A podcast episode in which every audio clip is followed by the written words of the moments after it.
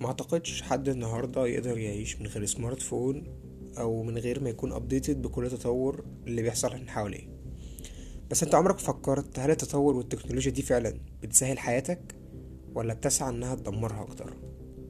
تفتكر هدف الشركات الرئيسي هو توفير منتج آمن ليك يحفظ معلوماتك وخصوصيتك ولا يجمع البيانات والمعلومات دي ويطور بيها ال Artificial Intelligence هنتكلم عن التطور اللي حصل للشركات في آخر عشر سنين وإزاي ال Artificial Intelligence اتطور في آخر ثلاث سنين بشكل مرعب جدا.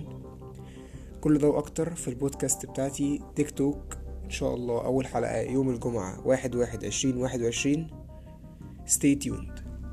شكرا.